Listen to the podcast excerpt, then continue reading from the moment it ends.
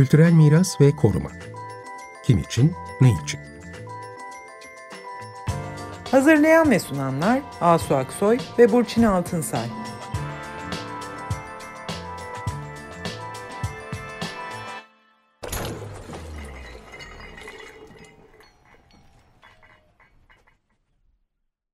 İyi akşamlar. Ben Asu Aksoy. İyi akşamlar. Ben Burçin Altınsay. Dün itibariyle Türkiye Cumhuriyeti'nin 100. yılını doldurduk. Cumhuriyet 100 yaşında oldu.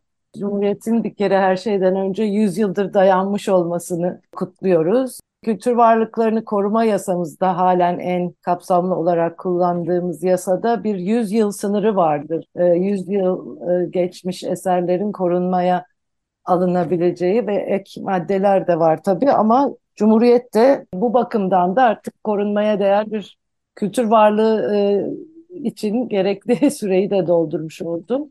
E, Cumhuriyet'in tabii çok mirası var. Bunların e, bizi ilgilendiren kısmıyla ilgili konuşmaya çalışacağız bu akşam. Konuğumuz Profesör Doktor Can Binan. Hoş geldin Can. E, Merhaba. Hoş geldiniz. Cumhuriyet tabii 29 Ekim 1923'te ilan edildi. Ama o noktada e, kültür varlıklarıyla ilgili zaten Osmanlı döneminden gelmekte olan belli yaklaşımlar vardı. Bir dizi nizamnamelerle bu Asar-ı Atika nizamnameleri diye bilinen. Nizamname bu, yönetmelik demek değil mi? Bir çeşit düzenleme kanun yani. demek aslında. Düzenleme. Yani evet. düzenlemek için yapılan. Yasa gibi. Evet, Yasa. yasa gibi. E, bu, bunlar bu ortamı düzenlemeye çalışıyordu. Fakat tabii ki o dönemde daha fazla bunlar e, arkeolojik eserler, taşınır eserlerle e, ilgili e, ve müzecilik bakışıyla ele alıyordu. 1912'ye kadar bu nizamnameler e, revize edildi. 1912'de de bir muhafazayı abidat nizamnamesi çıktı ve bununla birlikte de abideler yani anıtlar da dikkate alınmaya başladı. E, tabii bu 29 Ekim 1923'te birden her şey değişmedi. Aslında 1920'den e, itibaren sürecin değiştiğine doğru gidildi ve orada yeni cumhuriyet bu e, bizim bugün kültürel miras dediğimiz işte o zaman abide, abidat veya asar, atika tanımlarıyla e, tanımlanan kültür varlıklarına dair o, ne yaptı, nasıl yaklaştı biraz bunu e, konuşacağız bu akşam. Profesör Doktor Can Binan'ı tanıtayım çok kısaca. Can şu anda emekli ama Yıldız Teknik Üniversitesi Mimarlık Fakültesi Restorasyon Ana Bilim Dalı'nın başkanıydı ve o e, ana bilim dalında programda öğretim e, üyesiydi. ECOMOS Milli Komitesi de üyesidir. Çalışma alanları aslında koruma alanının ve kültürel miras alanının her e, kısmını kaplayan kavramsal çerçeveden uygulamalara kadar, e, dünya mirası konularına kadar çalışıyor ve uygulamalarda danışmanlık yapıyor. Ve e, biliyorum ki özellikle de mimari yapı üretimi veya korumaya yönelik tekniklerin tarihini de çalışıyor. Dolayısıyla bize şimdi bunların Cumhuriyet, ilk Cumhuriyet döneminde e, neler olduğunu anlatacak. Tekrar hoş geldin. Hoş bulduk tekrar. Merhaba. Evet, Cumhuriyet'le beraber bu kavramlarda bir değişim oldu mu? Osmanlı'dan bir Evet. süreklilik devir edildi mi? Ne oldu? Başlayalım yani anlatmaya. Şimdi evet Cumhuriyet'in ilanıyla birlikte yeni oluşan devlet kültür varlıklarına yani o zamanki söyleyişle demin de söyledim abidat ve asar-ı atikaya ve bunların muhafazası ile ne zaman ilgilenmeye başlıyor? Yani buna ne zaman artık vakit bulup da e, sıra kültür varlıklarına ya da abidelere geliyor? Ve siz bu konuda hamleler yaptıklarını gösteren izler görebiliyor musunuz? Bunların izlerini sürebiliyor muyuz? Bu tavırların somutlaştığı anları tanımlayabiliyor muyuz? Oradan e, bir başlayalım. Tanımlayabiliriz tabii ama ilk önce biraz bir kere en başta çok zor bir dönem olduğunu hiçbir zaman için unutmamak lazım. Yani bugünkü Cumhuriyeti kuranların hakikaten çok zor bir dönemden geçip Cumhuriyeti kurduklarını her zaman için bilincinde olmak lazım ve e, tabii ki Cumhuriyet'in kıymetini bilmek lazım. Bir kere bunu başta söylemek istiyorum. Tabii dünya tarihinde tarih dersi okurken e, çocuklara işte şu medeniyet geldi, o medeniyet gitti falan sanki bir kutunun içinde birileri varmış, boşaltılmış diye yok öyle bir şey. Yani bir sürü şey devam ediyor. Zaten yeni cumhuriyeti e, kuranlar da eskinin e, nitelikli e, insanları olarak karşımıza çıkıyor. Dolayısıyla bunu unutmamak lazım. Burada da öyle oluyor. Yani kültür varlıklarının, kültürel mirasa bakışın aslında o sürekliliğin içinden süzülüp e, bir takım değişikliklerle zaman zaman biraz daha radikal demek istemiyorum ama biraz daha böyle ani sıçrayışlarla e, değiştiğini ben hep gördüğümü düşünüyorum. E, mesela demin Burçin'in de söylediği gibi işte en son Asaratika Nizamnamesi'nin sonuncusu e, Muhafazayı Abidat Nizamnamesi 1912'de çıkıyor. Ve tabii bu e, hakikaten şeye yönelik, daha çok küçük objelere, arkeolojik alanlara ya da buluntulara yönelik bir şey. Türkiye Büyük Millet Meclisi dönemine aslında geldiğimizde yani daha Cumhuriyet kurulmamış 1920'lerde hı hı. önemli bir takım kararlar var bence. Ki bunların bir tanesi 10 Mayıs 1922 tarihli işte Marif Vekaletine bağlı olarak müdür ve katip kadrolu Türk Asar Atikası Müdürlüğü'nün kurulmuş olması. Hmm. Bence bu çok önemli. Daha sonra bu adı Hars Müdürlüğü oluyor. Yani orada hmm. kültürün e, Hars olarak tanımlandığı e, bir dönem var. Yani kültür tanımlarının hmm. isimlerinden bir tanesi de Hars zaten. E, biz de biliyorduk bunu. Eskiden okullarda okuduğumuzu hatırlıyorum. E, ve Hars Müdürlüğü adını alıyor. Şimdi bu bu bence önemli. Bunun o tarihte çok fazla etkin olamamış olmasına rağmen bunun kuruluyor olması çok önemli. Bir diğer önemli konu ben önemli buluyorum çünkü dikkat ederseniz demin e, şey söyledim. Milli Eğitim Bakanlığı'ndan bahsettim. Hı hı. Yani marif vekaletinden bahsettim. Şimdi genç arkadaşların çoğu şunu hep soruyorlar. Ya niye marif vekaleti, niye bir kültür bakanlığı kurulmamış ya da işte başbakanlığa bağlı olmamış diye. Marif vekaleti çünkü Osmanlı döneminden beri ülkedeki en yaygın teşkilat marif vekaletinde var. Yani hmm. o kadar rasyonel ki bunun uzun süre marif vekaletine bağlı olması e, ve her yere ulaşabiliyor. Her yerde bir temsilcisi var. Öyle ya da böyle. Dolayısıyla marif vekaleti buradaki tanımı aslında Cumhuriyet döneminde de o rasyonelliği devam ettirdiğini düşünüyorum ben. E, özellikle söylemek istedim çünkü e, genellikle farklı sorular olabiliyor bu konuda. Hars dairesi, o kurulduğunu söylediğim Hars dairesi tümüyle e, müzecilik ve kazı hizmetlerine yöneliyor. Görevler arasında aslında çok net olarak koruma ve onarım hizmetleri çok fazla sayılmıyor. Bir başka önemli husus yani bu sürecin içinde işte 15 7. ayda Temmuz'da kurulan 1923'te Heyeti İlmiye. Bu aslında e, kültür varlıkları ile ilgili işte bir etnografya müzesinin kurulması, Asar-ı Atika Nizamnamesi'nin yeni koşullara uydurulmasını gündeme alan bir e, oluşum. Bu da mesela bu gelişme sürecinin içinde önemli. Bunlar böyle çok fazla bilinen, her yerde görebildiğiniz gelişme aşamaları olarak çıkmıyor karşımıza. E, ama Bu da mı bakanlığa bağlı şeye, e, marif evet, vekaletine evet, o da Milli Eğitim yani marif vekaletine bağlı o tarihte. Tabii bu arada bütün bu araştırmalar için şunu da söylemek lazım. E, Orta Doğu Teknik Üniversitesi'nden Emre Mağdıra'nın e, bu konuda çok güzel araştırmaları var. Yani rahmetli oldu. Yazıları var. Zamanda evet. yazı ve yayın olarak hakikaten bu konuda en satır aralarını okuyarak e, yapılmış araştırmalar bunlar.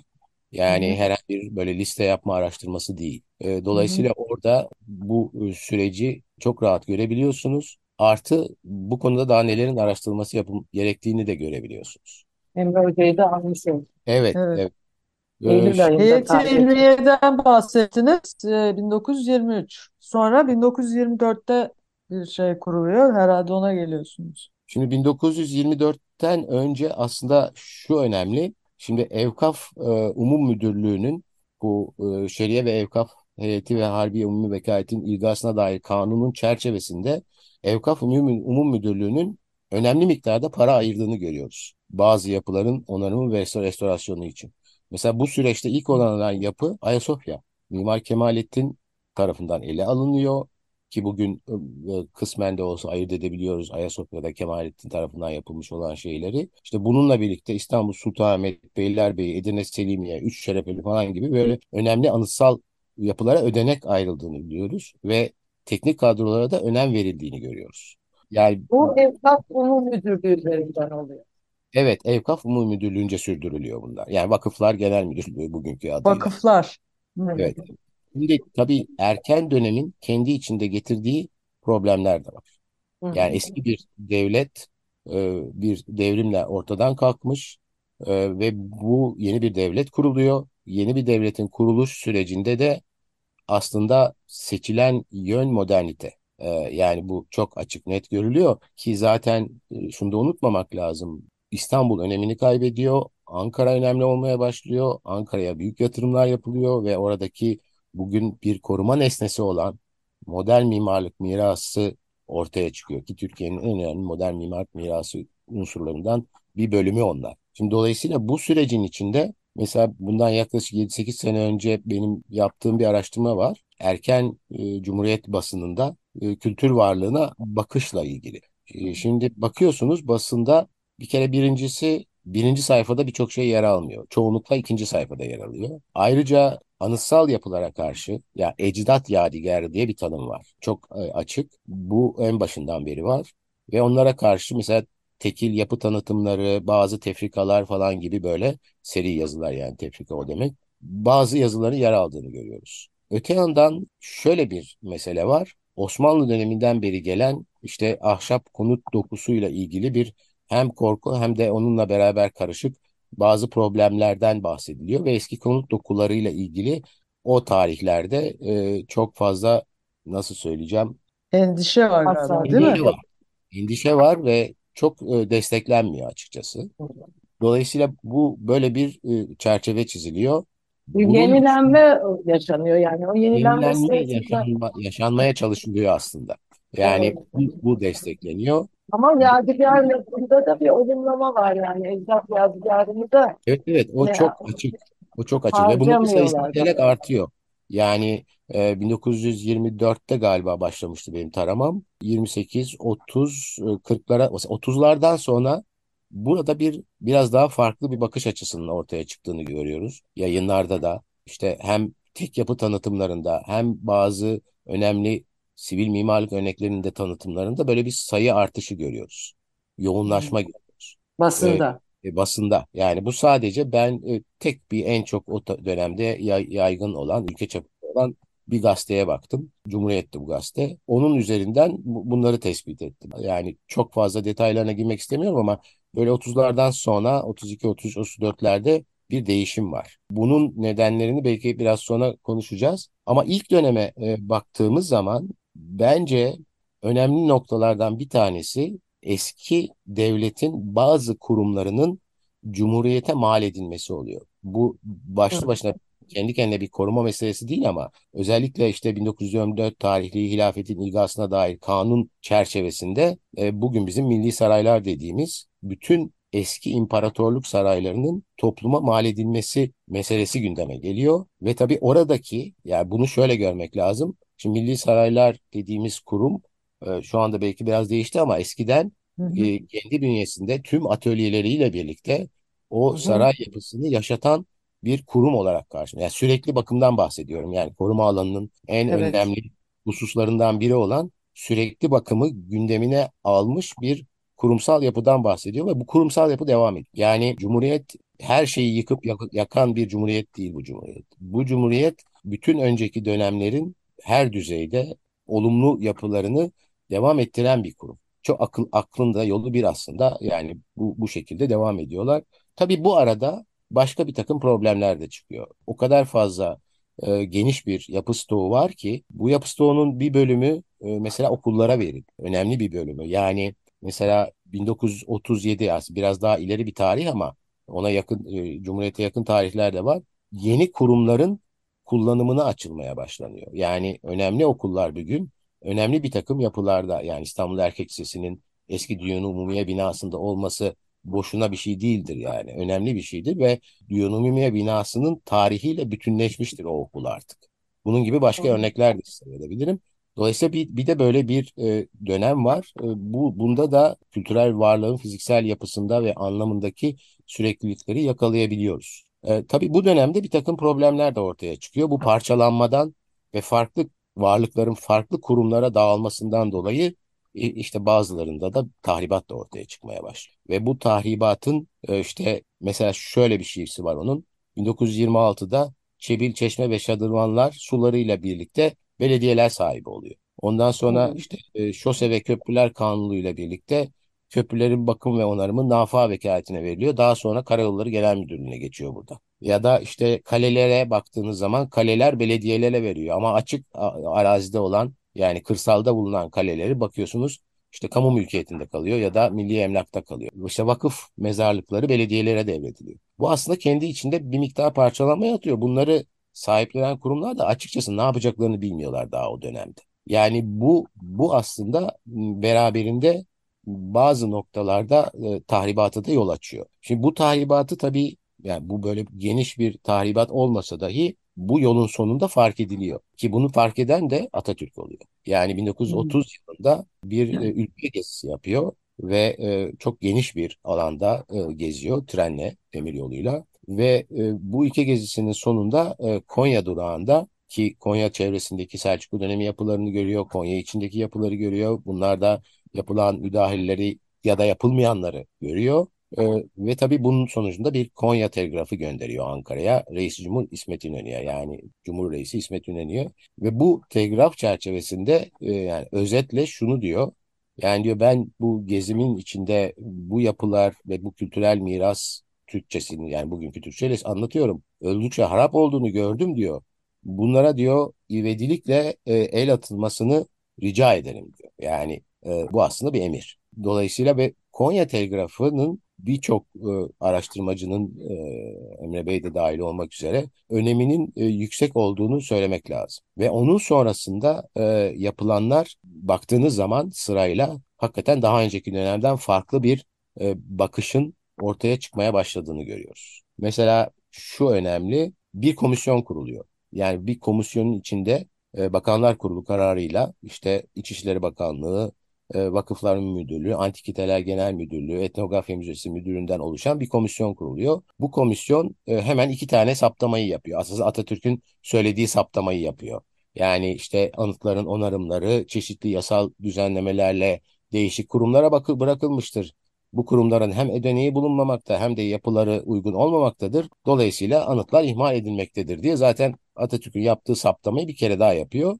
İkinci önemli şey özellikle belediyeler, özel idareler ve diğer kurumlar ki vakıflar bunun içinden ayrı anıtların değeri ve korumanın önemine ilişkin yeterli bilgiye sahip değillerdir diyor. Dolayısıyla e, burada işte yol açmak, eski eserin arsasını satmak gibi nedenler, problemler burada ortaya çıkmıştır diye mesela çok önemli bu ikili saptamayı yapıyor. Yani bu saptama 1935 yılında yapılıyor. Pardon özür diliyorum. 31 yılında kuruluyor. Ondan sonra yapıyor. Dolayısıyla hmm. bu saptamanın sonrasında kurulan bir sürü komisyon ve yapı ve çalışma var. Hmm. Yani koruma de, anlayışı ilk defa koruma böyle derli toplu değil mi? Daha önce işte kullanmak için veya o kuruma vererek hani o kurumun sorumluluğuna evet, vererek evet, evet, daha evet. pragmatikken bu sefer onların bizzat korunması için bir evet, evet, e, harekete geçiyorlar. Yani mesela bu anlayışa şimdi Vakıflar Genel Müdürlüğü'nden bahsediyoruz ya da vakıflardan bahsediyoruz hmm. ama Şimdi vakıf sistemi aslında şöyle bir vakıf malı var, bir vakfın esas malı var, bir de onu yaşatan akar var. Hı hı. Şimdi esas olan vakıf, vakfedilen eser. Evet. Akarın, akarın bütün görevi onu yaşatmak. Ama daha sonra hele bu döneme geldiğimizde de durum aynı şekilde 15. yüzyıldan kalan bir vakıf akarı aslında artık kültür varlığı oldu. Dolayısıyla bugün de hala tartışılan bir e, mesele ortaya çıkıyor. Hala biz bu konuyu tartışıyoruz. Yani bunlar vakıf akarı ama bakıyorsunuz bir 16. yüzyıl tamamı öbür tarafta bir 17. yüzyıl hanı. Bu artık öbür ana vakıf eserini yaşatmak için feda edilebilecek bir şey değil. Eskiden feda edebilirsin belki aynısını yaparsın. Başka bir arsasını satarsın Hı. ama öyle değil.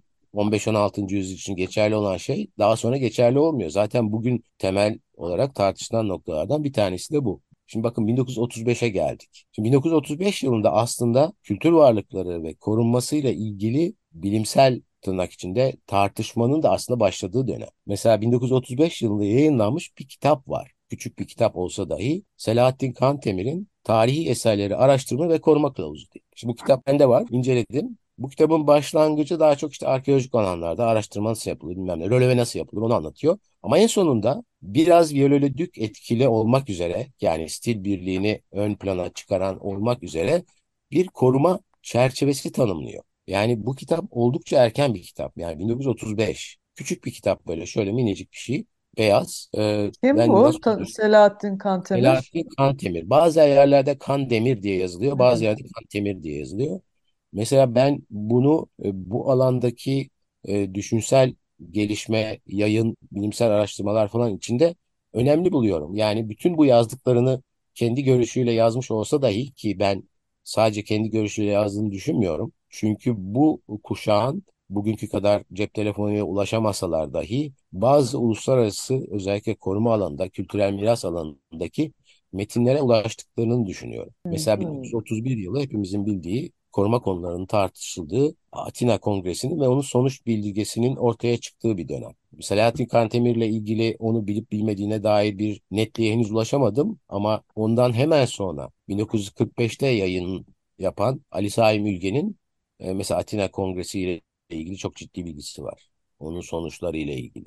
Dolayısıyla Cumhuriyet'in beyin takımının da aslında belki bu dönemde koruma alanında ciddi şekilde düşündüğünü söylemek gerekiyor. Ve de Yazdığı uluslararasılaşıyor belki de, değil mi? Yani 40 uluslararasılaşması da tabii 30'larda, 30'ların 30 ortalarında 40'lara doğru evet, gelirken evet, evet, bugüne evet. doğru da baktığımızda aslında ondan sonra artık hani bu kurulma e, süreçlerini geçirip de yerleşik ya da yaygın hale gelmesi için de aslında bir önemli olay vardı, değil mi? Bir şey daha söylemek istiyorum. Tabii Şimdi tabii. tamamen Cumhuriyet dönemine ilişkin bir şey. Şimdi 1933 yılında e, yaklaşık 3500 tane anıtın fişinin hazırlandığını biliyoruz. Hmm.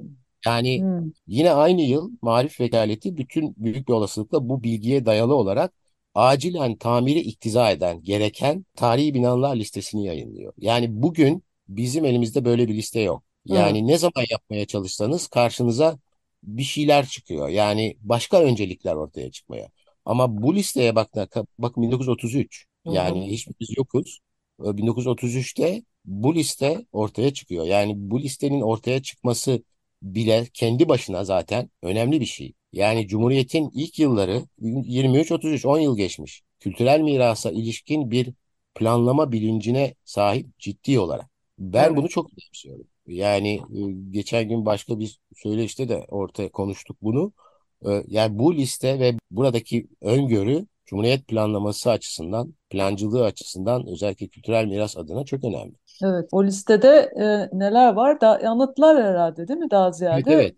Ve Anıtlar var. İstanbul Bunlar Odağı var galiba biraz da. Evet, İstanbul Odağı var. Onun dışında bir takım eklentiler olabilir ama yani İstanbul Odağı var. Ama şöyle düşünün, yani 1970'lere kadar Anıtlar Kurullarının kararları, bunları yöneten ilke kararları ve bunlarla ilgili her türlü karar İstanbul odaklı değil miydi? Evet. Evet. Hepsi İstanbul odaklıydı. Yani o 1, 2, 3, 4, 5 koruma gruplarının belirlendiği kararların hepsi İstanbul odaklıydı.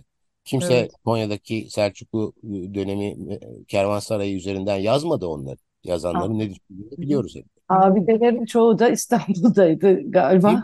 Yani orada artık 30'larda abide kavramı üzerinden bir kayda alma, onları bizzat korumak için bir hamle başlıyor. Ve tabii sonra bizim bugünden baktığımız zaman biz çok daha fazla şeyi artık kültür varlığı, kültürel miras olarak görüyoruz. Dolayısıyla o yaygınlaşması da daha sonra işte İkinci Dünya Savaşı sonrası Evet. yapılara da sıra geliyor. Yasal çerçeveye bakarsanız bakın hala eski dönemin yetersiz olan yasal çerçevesine rağmen ki ilk yasa aslında 1973 tarihli Evet. 1710 sayılı eski eserler yasası. Yani Hı hı. 1710 sayılı yasaya gelene kadar hala her şey eski dönemin kalıntı demeyeceğim de eski dönemin gelenekleriyle bir takım yazılı metinleriyle yürüyor. Ona rağmen o çerçevenin içinde modern bir planlamanın izlerini görebiliyoruz. Başladığını görebiliyoruz. Yasa da olmamasına rağmen. 1710 yok daha 73. Evet, 73'te evet. ortaya. Ondan sonraki yasa e, 1983'te ortaya çıkıyor. 2863 sayılı yasa. Hı. Orada bugüne geliyoruz. Yani Aslına bakarsanız tabii çok uzun zaman almış değil mi bu yasaları oluşturulması? Yani 40 yıl gibi bir zaman geçmiş. yani yasa oluşturmanın ötesinde yasayı yürütecek yönetmeliği de oluşturmak gibi bir problem var ya. Evet. Yani problem değil mi de gereklilik zaten bunlar e, aslında zor şeyler. Yani ülkedeki çerçeveyi öyle bir çiziyor ki bir noktadan sonra ikinci yasayı yaptığınız zaman bütünüyle değişiklik yapamıyorsunuz. Yani bu böyle kesip atılan bir devrim gibi Hmm. olmuyor. İkinci Evet. yasa bir şeyleri düzeltiyor. Ama mesela 2863'te dahi başta sen söyledin hala 19. yüzyıldan kalan yapılar korunur. Yani sanki bugünden baktığımız zaman 100 yıllık yapılar korunur. Ondan daha genç olanlar korunmaz gibi ortaya çıkıyor. Gerçi yasanın içinde bir takım açık noktalar var. Yani işte kendi döneminin özgün niteliklerine sahip dönemini yansıtan yapılar da korunur. Cumhuriyet'in erken dönemini yansıtan yapılar da korunur diye bir çerçeve var ama yine de belki biraz daha geliştirmesi gerektiğini düşünüyorum. Ve buna da bakışta aslında Cumhuriyet'in erken döneminin planlama anlayışından da örnek alabileceğini düşünüyorum. Çok konuştum galiba. Yok çok teşekkürler. Ee, Cumhuriyet'in ilk halleri de kültür varlıkları koruma neydi? Onu konuşmaya çalıştık. Çok teşekkürler. Teşekkür Profesör. Doktor Can Binan. Evet çok teşekkür ederiz. Teşekkür ederim.